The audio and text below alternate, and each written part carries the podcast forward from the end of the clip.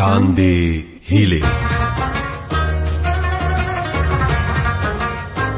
د پښتنو خزو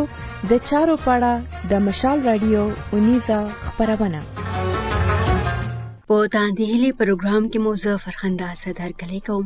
اوریدونکو په دې پروګرام کې د باچا خان په خدای خدمتګار تحریک کې د خزو پر رول او د دغه تحریک لوجې د خزو پر ژوند په اثراتو معلومات درکوم اوریدونکو د 2022م کال په شلمه جنوري د خدای خدمتګار تحریک د بنیاد ایښودونکي او د پښتنو په سیمو کې د عدم تشدد فلسفې د بانی خان عبدالغفار خان څلور درشم اتلین دی په داندې هلي پروګرام کې د خدای خدمتګار تحریک او د باچا خان د تعلیماتو پر پښتنه ټولنه د اثراتو او بیا خاص کر د خزو پر ژوند په بدلون معلومات درکوو را سره اوسئ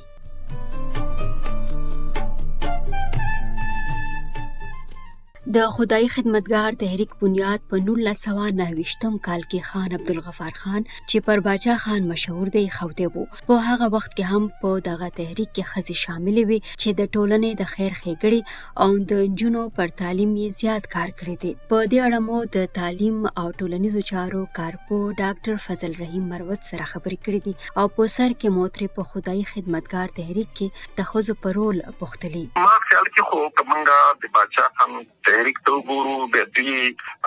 خلکو ته خو ډېرو ته دا پته نه لګي بلکې هغه په دغه نظر ورته ګوري چې دا خو بیا پاکستان نه بس دوی تحریک ختم ولې شو علاقه ختم نه تر اوسه پورې مختلفو شکلونو کې هغه څو کمې پارټۍ کې هم دي کم ګوند کې هم دي کم ټولنه کې هم ولار دي هغه وخت هم خزو هغه کې بدلون دادي چې خزو ته حق پیژندنه په جایداد کې حصه ورکونه چې کوم دلته هیواج نه وو لا هغه سوري ول کوم چکر چې کوم په پښتنو کې د خزبه د خاغ پر سړو پر قرباني ورکوي دا شانت زنا شین چې کوم دی رویه شوي او سبق شو او مروت صاحب دا پښتون رساله چې کوم واکننو په هغه وخت کې بخوزو په دې کې لیکل کول دا ټولې که تاسو وګورئ په د هغه وخت مجلې وګورئ د چې کومې رسالې ته اشاره وکړه له پښتون رساله هغه کې مختلف مضمونونه هم شته دي هغه کې د ماشومان او هغه هم شته هغه کې د دغه ځزنو خزنې چې ما تاسو صرف دوه نمونه واخیستل نور ډیر کسان دي او مطلب دا د تاسو یې شاعري وګورئ کې د لیکو ګورئ هغه ته د احساس او هغه احساس ډیر داسې بیکورډ کلو کې چې د کما خبره توکل لا چې علی ځان خټکا مطلب دا دی چې کوهاټ نا خپل سیمه کې د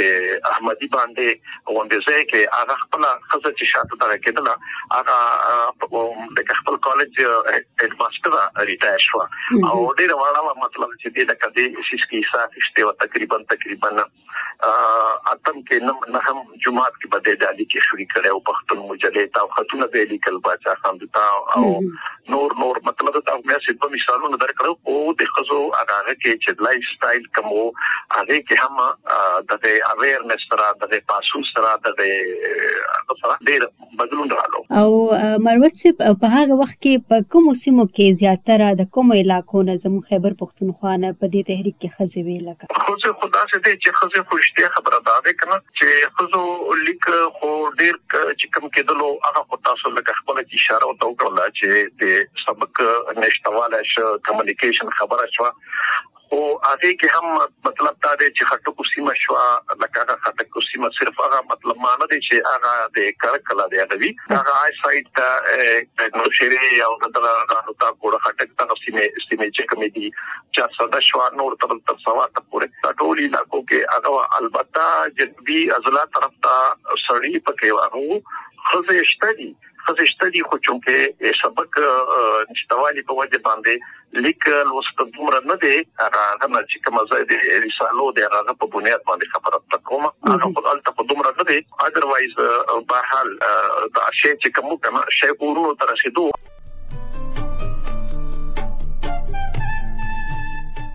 باچا خان په خپل کتاب سماژوند او جدوجهد کې لیکي چې په 1929 کې د چارسدې په اتمانزو کې په یوه جلسه کې د وینا پر وخت ویل چې تاسو خو اوده یې د هندوانو ښځې هم را بیدارې شوي دي او د سړو سره د ملک د ازادۍ لپاره ملا تړلې ده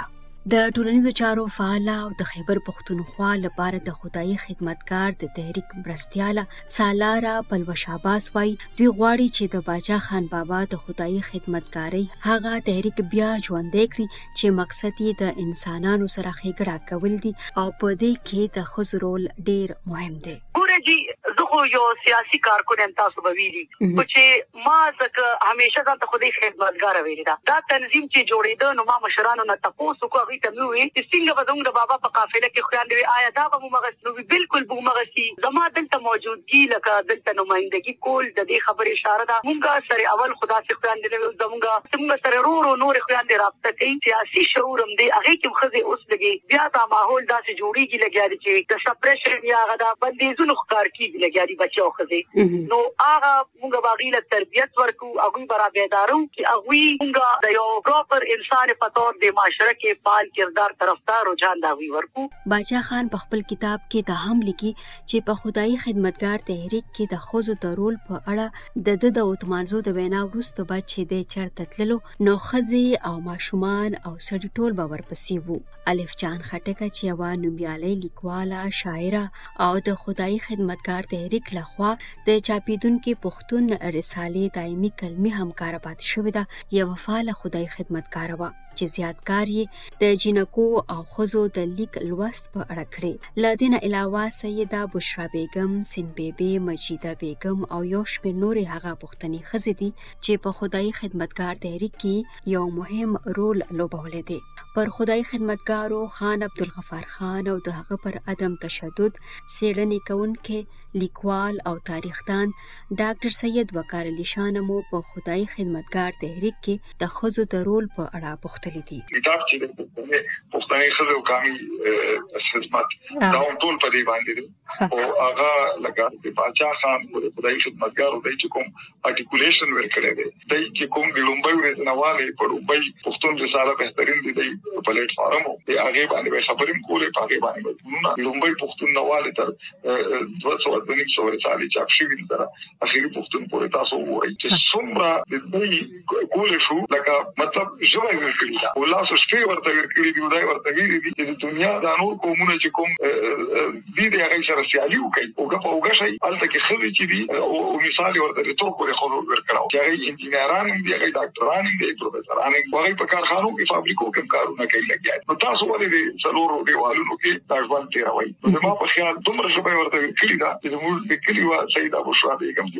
زيږيدې باندې مشهوره وه د هغې کوم شعرونه وګورئ د هغې کوم دغه وګورئ چې هغه يې چې د ما دشمن نور څوک نه د ما خپل پلار او خپل وروڼه ځکه د خپل رور دی ځکه چې ځان د پاره او تعلیم هم خوښي ځان د پاره شعرونه هم خوښي ولایت تم ګرځیدل خوښي ارچه دا او زه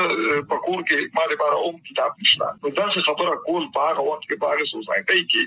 او بیا ورسره دا بار بار خبره کول چې باچا خان بوي چې خدا او سړی دا د ژوند دوه پای او چرته دوه پای کې برابر دي د ژوند څخه نشي کولای بلاره مزل کې دوه پای یو وړي یو غټي نو هغه ګاډه چې ده نشي تللی اوریدونکو تاسو اوري چې د باچا خان د خدای خدمتګار تحریک لوجه په پښتنه ټولنه کې د خزو پر ژوند کوم اثرات پریوتلي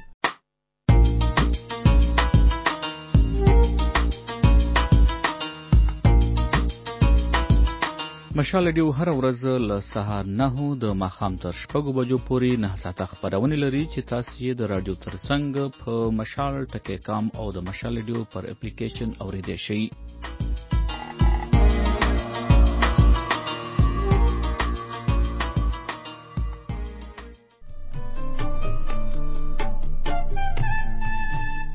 اوریدونکو باچا خان په خپل کتاب سما ژوند او جدوجهد کې لیکي چې کله دی د چار صدې د یو شمېر کلو په دوره وو نو هلته یې په یو کلي کې په جلسه کې د وینا پر وخت ښځو تعبیل وکړ او ورته یې وویل چې دا ملک څومره د سړو دی هغه هومره د ښځو هم دی او که سړی خدایي خدمتګارۍ ته تیار نه وي نو تاسو هم لا وتړئ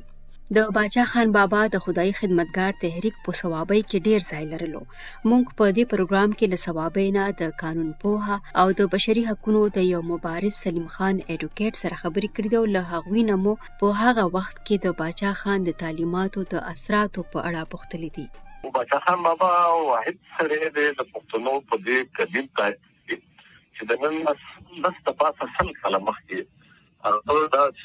محسوس کړ چې د پوره پاکستان کې دا څو پورې تعلیم نه کړي څو پورې د زمانه د تعلیم سره په کالو باندې خاص شوی نه زمونږ ولس ترغه پورې د پښتنو پرمختګ چې د دا ډېر ناممکن دی ځکه چې پښتانه په دغه تدبیرو کې قبایلی واجبیا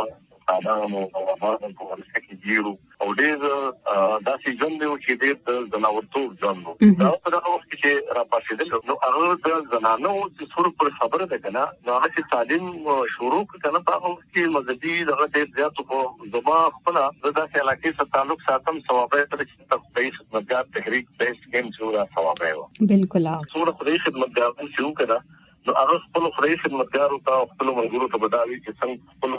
زامنو تاسو سبقونه وايئ، داسې په خپلو لوڼو باندې هم سبقونه وايئ. په خپله لور يې سبق سبق کې داخله کړې وه، د باچا خان بابا يک يو لور وه، هغې هم داخله کړې وه، خپلو طبيعي او مېشتي زنانو او دا د هغه کور و چې زوم چې کوم دی خپلو زنانو ته خپل حق نه ورکوي، که نه هغه کام چې کوم دی نو چېرته ترقی نشي کولای کنه سلیم صاحب دا رښتیا دي چې ګنې په ثوابۍ کې د دې خدای خدمتګار تحریک زیات ځای لرلو کنه نو د هغې لوجه حالت د جنکو تعلیم یا د خزو کار روزګار هم زیات دی د هغه وخت راهیسې کومګو ګورو موجوده حالات ته هم تاسو دې ته څنګه ګوري؟ تاسو ته یو داشنا خبره کوم چې یو ټاپه ډیره مشهوره ده په پښتنو کې کنه چې زلمو ته پوره نشو فخر افغان جنکه به دې ګټینه دا ټاپه چې دا دا ټاپه د کلوخان کلی د ثوابې ضلع د کلوخان کلی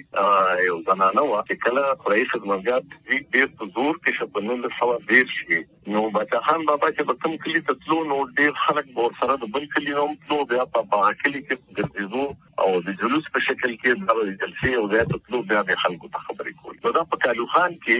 دې خبرې ما خپله تحقیق هم کړی دی او دې پسې زه تللی وم ما دغه کلي ته او پکې لاره زمونږ د پاتې بیا د نېشنل پاتې چې کټریو مو اوس وفات شوی دی دا هغه ترور وه پېغله ترور وه دا واده کړې او هغه چې باچا خان بابا ورته نو ښځې به کوټو ته ختې په کوټو به ورته ناستې وې او لاندې به د باچا خان بابا جلوس تېرېده د جلوس چې تېرېدل دا ټپه یو زنانه د خپل ځان نه فلبدي دا ټپه کړې وه د کوټې باندې ولاړه وه او دا ټپه باچا خان بابا ته کړې وه چې که د زلمو د پوره نه شوه فخر افغان جینکۍ به دی نو د باچا خان بابا په تحریک کې د زنانو ډېر لوی رول او دا چې کوټه دا سور رڼا وینو کړه په خپل وطن کې خاص کر په پښتنو په وطن کې د زنانو تعلیم او زنانو ته خپل حق ورکول دا د باچا خان بابا د تعلیماتو اثر دی چې داسې لږه ډېره رڼا شته. ګنې زه خپله دا د خبرو کوم چې زموږ سوادای چې دا د شریعت سیلې زموږ د پښتونخوا کې د ټولو نه ډېر دی او د زنانو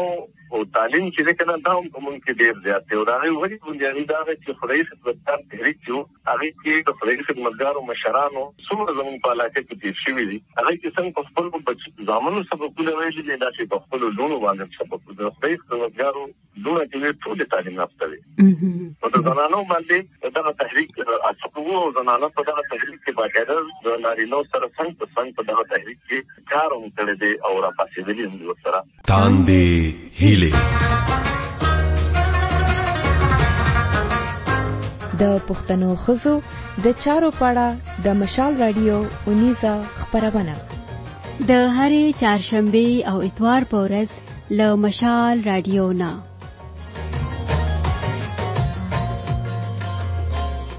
دا د نن ورځې تاندې هلي پروګرام چې تاسو پکې د خدای خدمتګار تحریک او د باچا خان د تعلیماتو پر پښتنه ټولنه او خاص کر د خزو پر ژوند په اثراتو معلومات اوریدل